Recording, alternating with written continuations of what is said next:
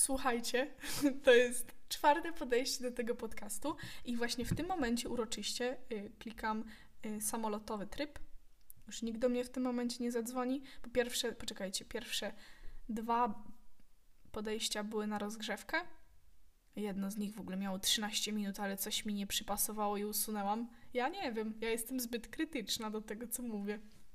Trudno, to już jest ostateczne podejście, ale za tym trzecim razem, wiecie co się stało? Zadzwonił mi telefon. Babcia powiedziała, że, że nie, czy byłam po bigos, bo jak nie byłam po bigos u niej, to żebym przyszła. Babciu.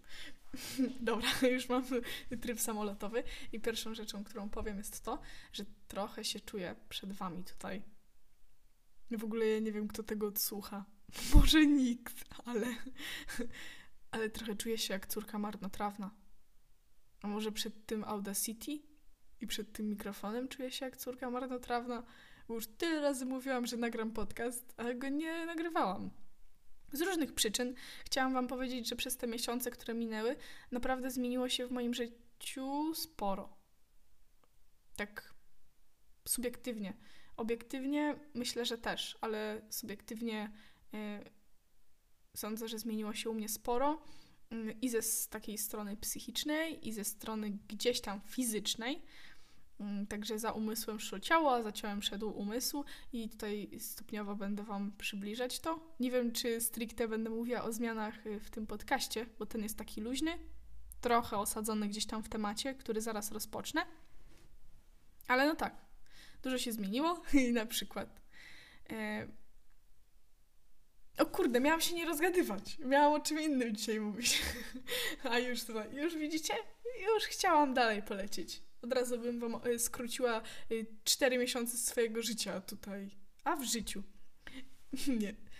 Ilona, łap się za język. Dobra. Pierwszą rzeczą, którą też, yy, raczej pierwszą rzeczą taką konkretniejszą, związaną z moimi przemyśleniami życiowymi, takimi przemyśleniami może na co dzień, jest to, że kiedy zagłębiam się w jakiś marazm, przeżywam jakiś smutek, jestem po prostu odklejona od rzeczywistości jedno w ogóle z moich ulubionych sformułowań, być odklejonym. Wtedy jestem rozproszona, ale na takie własne myśli. Nie skupiam się na tym, co dzieje się dookoła mnie. nie rozglądam się, jak na przykład przechodzę gdzieś przez jezdnię. No, generalnie to jest taki przeżywanie takiego smutku, takie spowolnienie, skupienie się na swoich myślach. Często overthinkowanie. I stanie się w tym momencie, kiedy gdzieś, wiecie, dzieje się ten marazm w mojej głowie i nagle jest takie pyk. Stanie się coś zupełnie nieoczekiwanego i często jest to jakaś nieprzyjemna y, rzecz. Na przykład uderzy się w palec u stopy. Albo ostatnio wleciał mi motyl w twarz. Tak mnie pasnął skrzydłem, a ja, wiecie, tak nagle się yy, otrząsam. Jest takie, o kurde. To zawsze mam takie przemyślenie, że w tym momencie wszechświat mi mówi Ilona, koniec. Ilona, otrząśnij się. Już zwróć uwagę na to, co dzieje się tu i teraz, na to, co dzieje się dookoła ciebie. Nie rozpamiętuj ani przeszłości, ani przyszłości, tylko tu. W tym momencie boli ten palec. Albo w tym momencie pacnął cię ten motyl. O, lata motyl. jest na przykład ładna pogoda. Jest zielono. Wieje wiatr. Cokolwiek. Żeby dotknąć trochę, a raczej posmakować tego tej teraźniejszości. To takie moje przemyślenie na początek mojego podcastu, a no, chciałam Wam powiedzieć, y, że taki temat sobie wymyśliłam, że często nie wiem, jak się mam zachować. I nie odnosi się to, jeszcze nie rozumiem do końca, dlaczego tak się dzieje, że ja tak często nie wiem, jak mam się zachować. Po prostu mój Windows się totalnie zawiesza jak taki stary Windows XP, wiecie jeszcze. Jaki. I nie wiem do końca skąd się to bierze. Nie odnosi się to też stricte do mojej asertywności, bo jak przyjdzie co do czego, potrafię być asertywna, ale przyznaję tutaj, przed mikrofonem i przed wami, że często mam problem z asertywnością. I byłam nawet na warsztatach z asertywności, wiecie, na studiach. I wiem, na czym to wszystko polega. Jestem w stanie wam gdzieś tam przez teorię, definicję wytłumaczyć, że asertywność nie odnosi się tylko do mówienia nie, ale też do obrony swoich granic, mm, do wyrażania siebie i swojej, wiecie, całej osoby. Mówienia o tym, co się myśli. No ja wiem, ja wiem o co chodzi, ale dlaczego czasem mi tak trudno to przychodzi? Jest mnóstwo, yy, mnóstwo zmiennych, mnóstwo sytuacji, na przykład nie chcę kogoś urazić, albo albo po prostu nie wiem, bo jestem młoda i mam 20 lat i od 20 lat się uczę życia i, i cały czas będę to robić. W każdej minucie się uczę życia. O i ciekawa w ogóle taka myśl, że jak się jest młodym, to ma się okazję i możliwość mówienia o, nie wiedziałam jak się zachować, albo nie wiedziałam co zrobić. Mm, bo wszystko tak naprawdę może się zdarzyć pierwszy raz w naszym życiu. I nie wiemy jak coś działa. Także bądźcie dla siebie wyrozumiali w takich momentach. Oczywiście, no tak jak już jakby logicznie łącząc się z tym, co powiedziałam jakoś minutę temu, że przez całe życie się uczymy, więc nie tylko jako młodzi możemy tak mówić, ale tak naprawdę możemy tak mówić przez całe życie. Tylko wiecie, jak jest się, jak jest się już starszym, no to istnieje większe prawdopodobieństwo tego, że już coś się jednak przeżyło mm, i że to nie jest taka totalna nowość. Ale jak jesteśmy młodzi, no to prawdopodobieństwo tego, że coś wydarzy się po raz pierwszy w naszym życiu i nie wiem, jak się zachować, jest naprawdę duże. No ale wracając do tych sytuacji, które właśnie mnie zaskakują, yy, jaką na przykład, tutaj w ogóle wymieniłam, mam przed sobą notatnik ja tyle mam tych myślników, że oj, Ilona. no ale dobra. Na przykład mm, nie wiem jak się, nie wiedziałam jak się zachować i tutaj pierwszy, bo tak jakoś zabrzmiałam teraz wesoło, bo było mi w sumie miło tak mówić, ale pierwszy myślnik, który mam tutaj wypisany, jest trochę smutny. Ja pamiętam dobrze tą sytuację, która się wydarzyła i do tej pory myślę, że nie ma takiej uniwersalnej odpowiedzi, jaką mogłabym wtedy wygenerować, albo w każdej innej podobnej sytuacji. A byłam wtedy na domówce. Było tam no, może z 10 osób e, i akurat usiadłam obok swojej znajomej na kanapie i zaczęłyśmy rozmawiać i nagle, zupełnie nagle w rozmowie mm, powiedziała, że ma na sobie część garderoby, która należy do osoby bliskiej z jej rodziny, która niedawno zmarła. I powiem Wam szczerze, że naprawdę nie wiedziałam, co powiedzieć. Chciałam bardzo sprawić jej komfort, y, żeby mogła w razie czego się wygadać, żeby ewentualnie mogła przy mnie tylko posiedzieć, żeby poczuła się dobrze w tym danym momencie. Tylko, że wiecie, jak to jest z empatią.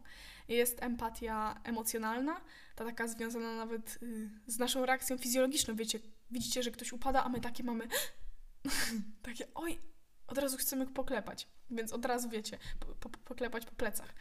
Od razu taka moja reakcja została wygenerowana ja ją tam poklepałam po plecach, ale jest druga strona medalu, czyli ta cała empatia poznawcza, która odnosi się do rozumu. Ona jakby wychodzi z rozumu, czyli to musimy przemyśleć, co dana osoba potrzebuje w danym momencie, co zrobić, aby właśnie poczuła się komfortowo, albo mm, co jej powiedzieć. Wiecie o co chodzi. I ja w tym momencie nagle Windows zawieszony, bo ja nie wiem, co powiedzieć, bo ja wiem, że ona ma trudność. W ogóle, w ogóle zaskoczyła mnie tym, że, że jestem gdzieś tam z daleka, E, a poczuła przy mnie komfort, poczuła przy mnie spokój, żeby właśnie mówić o tym, co przeżywa, jaki smutek. Chociaż z drugiej strony, kolejna myśl w myśli jest taka, że czasem jest tak, że łatwiej nam jest coś powiedzieć osobie, która jest z daleka, która jakoby nie należy do naszej takiej codziennej rzeczywistości. Nie macie tak? Bo ja mam wrażenie, że czasem łatwiej by mi było opowiedzieć historię swojego życia komuś prostu spotkanemu na ulicy, nie wiem, w innym mieście. Naprawdę. Tak samo ta sama prawda, jakąś na przykład ktoś wam coś tłumaczy, że słuchaj, jest tak i tak, albo zrób ze sobą to i to, bo na przykład yy, widzę, że krzywdzisz siebie. Tak jak słyszymy od na przykład kogoś bliskiego, to nie do końca bierzemy to jako taką prawdę, jako taki fakt. Ale jak ktoś gdzieś tam z zewnątrz, z daleka, z innego miasta, powie nam innymi słowami tą samą prawdę. takimi swoimi słowami, to inaczej w nas to wybrzmiewa. Gdzieś może istnieje takie przeczucie, że nie wiem, wszechświat zesłał osobę, która nagle takie słowa głębokie kieruje, że aż w naszych trzewiach się to odbija. Nie wiem, jeszcze tego do końca nie rozumiem, ale czasem tak jest. Także wtedy, w tamtym momencie, gdy mi właśnie mm, co czuję, naprawdę nie wiedziałam, jak się zachować i oparłam gdzieś tam swoje reakcje na, na tej empatii emocjonalnej i po prostu poklepałam ją po plecach, objęłam, powiedziałam rzecz jasna o tym, że jeśli nie, nie dawałaby sobie rady z tym, co przeżywa, zawsze może poprosić o pomoc, czy to mnie, czy to swoich bliskich, żeby nie bała się prosić o pomoc. Przeżywanie smutku i właśnie tego marazmu w samotności jest trudne. Ja rozumiem ludzi, y, którzy nie potrafią się odezwać, czasem nie mają siły, ale nie ma się co bać pytać o pomoc. Czy to właśnie jak szuka się tej pomocy wśród bliskich, albo nie wiem, na przykład tej pomocy nie ma, to żeby poszukać jej gdzieś dalej, na przykład u jakichś wykwalifikowanych osób, typu terapeuci, psychologowie i tak dalej. No ale przechodzę do kolejnego myślnika. Mm. I kolejna sytuacja jest znowu trudna, y, jakoby dla mnie. Czasem nie wiem, jak się zachować, kiedy ludzie są opryskliwi dla mnie. Bo tak jak ja potrafię pokazać, że tak powiem, pazurki czasem, ale potrafię to zrobić, tak w 99% sytuacji ja staram się bardzo życzliwie podchodzić do ludzi. A nawet nie staram się, teraz jak tak sobie myślę, tylko po prostu to ze mnie wypływa. Mnie ogromną przyjemność sprawia to, że ja mogę być dla kogoś przyjemna i że mogę dostać feedback w postaci czyjegoś zadowolenia, w postaci tego, że ktoś jest potem jakby miły dla mnie, taki miły back. Jakby wraca to do mnie. E, I czasem jest tak, że po prostu znikąd ktoś jest dla mnie opryskliwy i tak było raz w bibliotece. Pojechałam właśnie oddać książki i wiecie, to był cały ten czas covid i tak dalej i kurczę, ja nie wiedziałam do jakiego okienka mam odłożyć swoje książki. Dostałam właśnie opierdziel przy okienku, że kurde, to nie okienko, to tutaj pani zostawia, te książki nie, to, nie są zdezynfekowane. A ja tak zamarłam i takie miałam... Kurde, tak sobie teraz myślę. Mogłaby mi ta pani po prostu wytłumaczyć, a nie opitalać mnie jak jakiegoś podlotka tutaj. Jak kobieta 21 lat. Co prawda z nadmaseczki miałam przestraszone oczy, ale no zaskoczyła mnie. Nie wiem, jak mam się w takich momentach zachowywać, jak ktoś od razu wyjeżdża z jakimś słabszym humorem. Nie lubię tego. Ale no. Popracuję nad tym, żeby wygenerować na następny raz odpowiedź typu przepraszam, nie wiedziałam. Albo może mi pani wytłumaczyć. No ja wtedy jak zawsze, kurde. Znaczy, no nie jak zawsze, ale jak często po prostu zamilkłam i w takim milczeniu i z dużymi oczami odłożyłam tą książkę tam, gdzie było potrzeba. Yy, o, kolejny myślnik i ten Wam się spodoba. Ja tutaj powiem to na głos. Nie wiem, czy inni mówią takie rzeczy na głos, ale ja powiem. Gdy, kiedy nie wiem, jak się zachować, gdy ktoś znajomy pyta, czy moja mama lub tata go lubią, a my dopiero co właśnie z tymi znajomymi, na przykład, albo znajomym, koleżanką, kolegą, byliśmy po kłótni, a ja już rodzicom zdążyłam opowiedzieć, co mnie denerwuje na przykład tej osobie, albo dlaczego zostałam skrzywdzona. I wiecie, y, wydarzy się jakaś tam kwaśna sytuacja, a ktoś mnie po jakimś tam czasie pyta, ej, a twoi rodzice mnie lubią? Albo co mnie myślą? A ja mam takie nie zdążyłam za, po prostu wiecie, zaktualizować bazy danych, że już jest wszystko ok, że już się kolegujemy i to jest taki moment, wiecie, o, o co powiedzieć. I wtedy mówię na przykład, no trochę zmyślam, no, no co mogę powiedzieć w tym momencie, że moi rodzice to wszystkich lubią. I teraz moi znajomi sobie myślą, aha, ja kiedyś to usłyszałam. Nie, nie martwcie się. Ja aktualizuję bazę danych. Nie zawsze mi się to udaje zrobić w odpowiednim czasie, ale jak już odczuję wstyd, że nie zaktualizowałam bazy danych, to potem robię to. No, ale tak, no, przyznaję się do tego. I teraz, o, kolejny myślnik. Ja nie wiem, jak się zachować, jak na przykład komuś się dziecko urodzi, czy to w rodzinie, czy znajomym. I ja biorę na ręce dziecko małe. Takie maluśkie ono jest. I ja tak biorę i tak niepewnie, znaczy pewnie trzymam, ale mimo wszystko nie wiem na przykład, co mam zrobić, jak uniuniać to dziecko. Jakoś stresuje mnie ten fakt, że mogę nie umieć zabawić jakiegoś dziecka.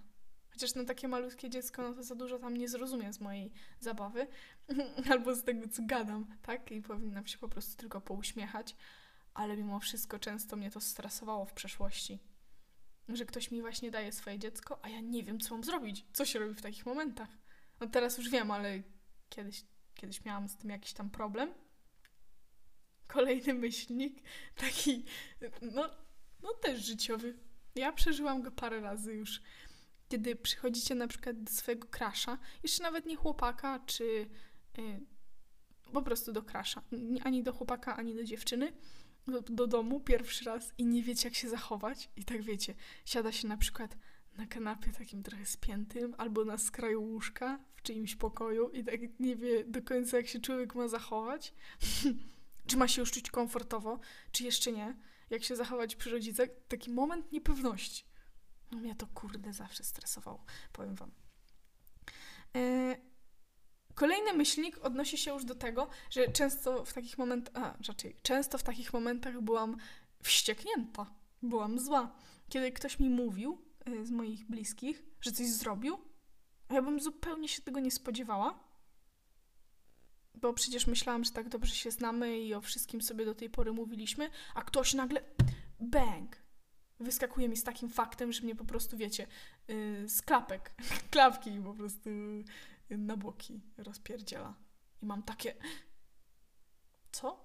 Przecież, przecież dopiero co rozmawialiśmy i dwa dni temu i co?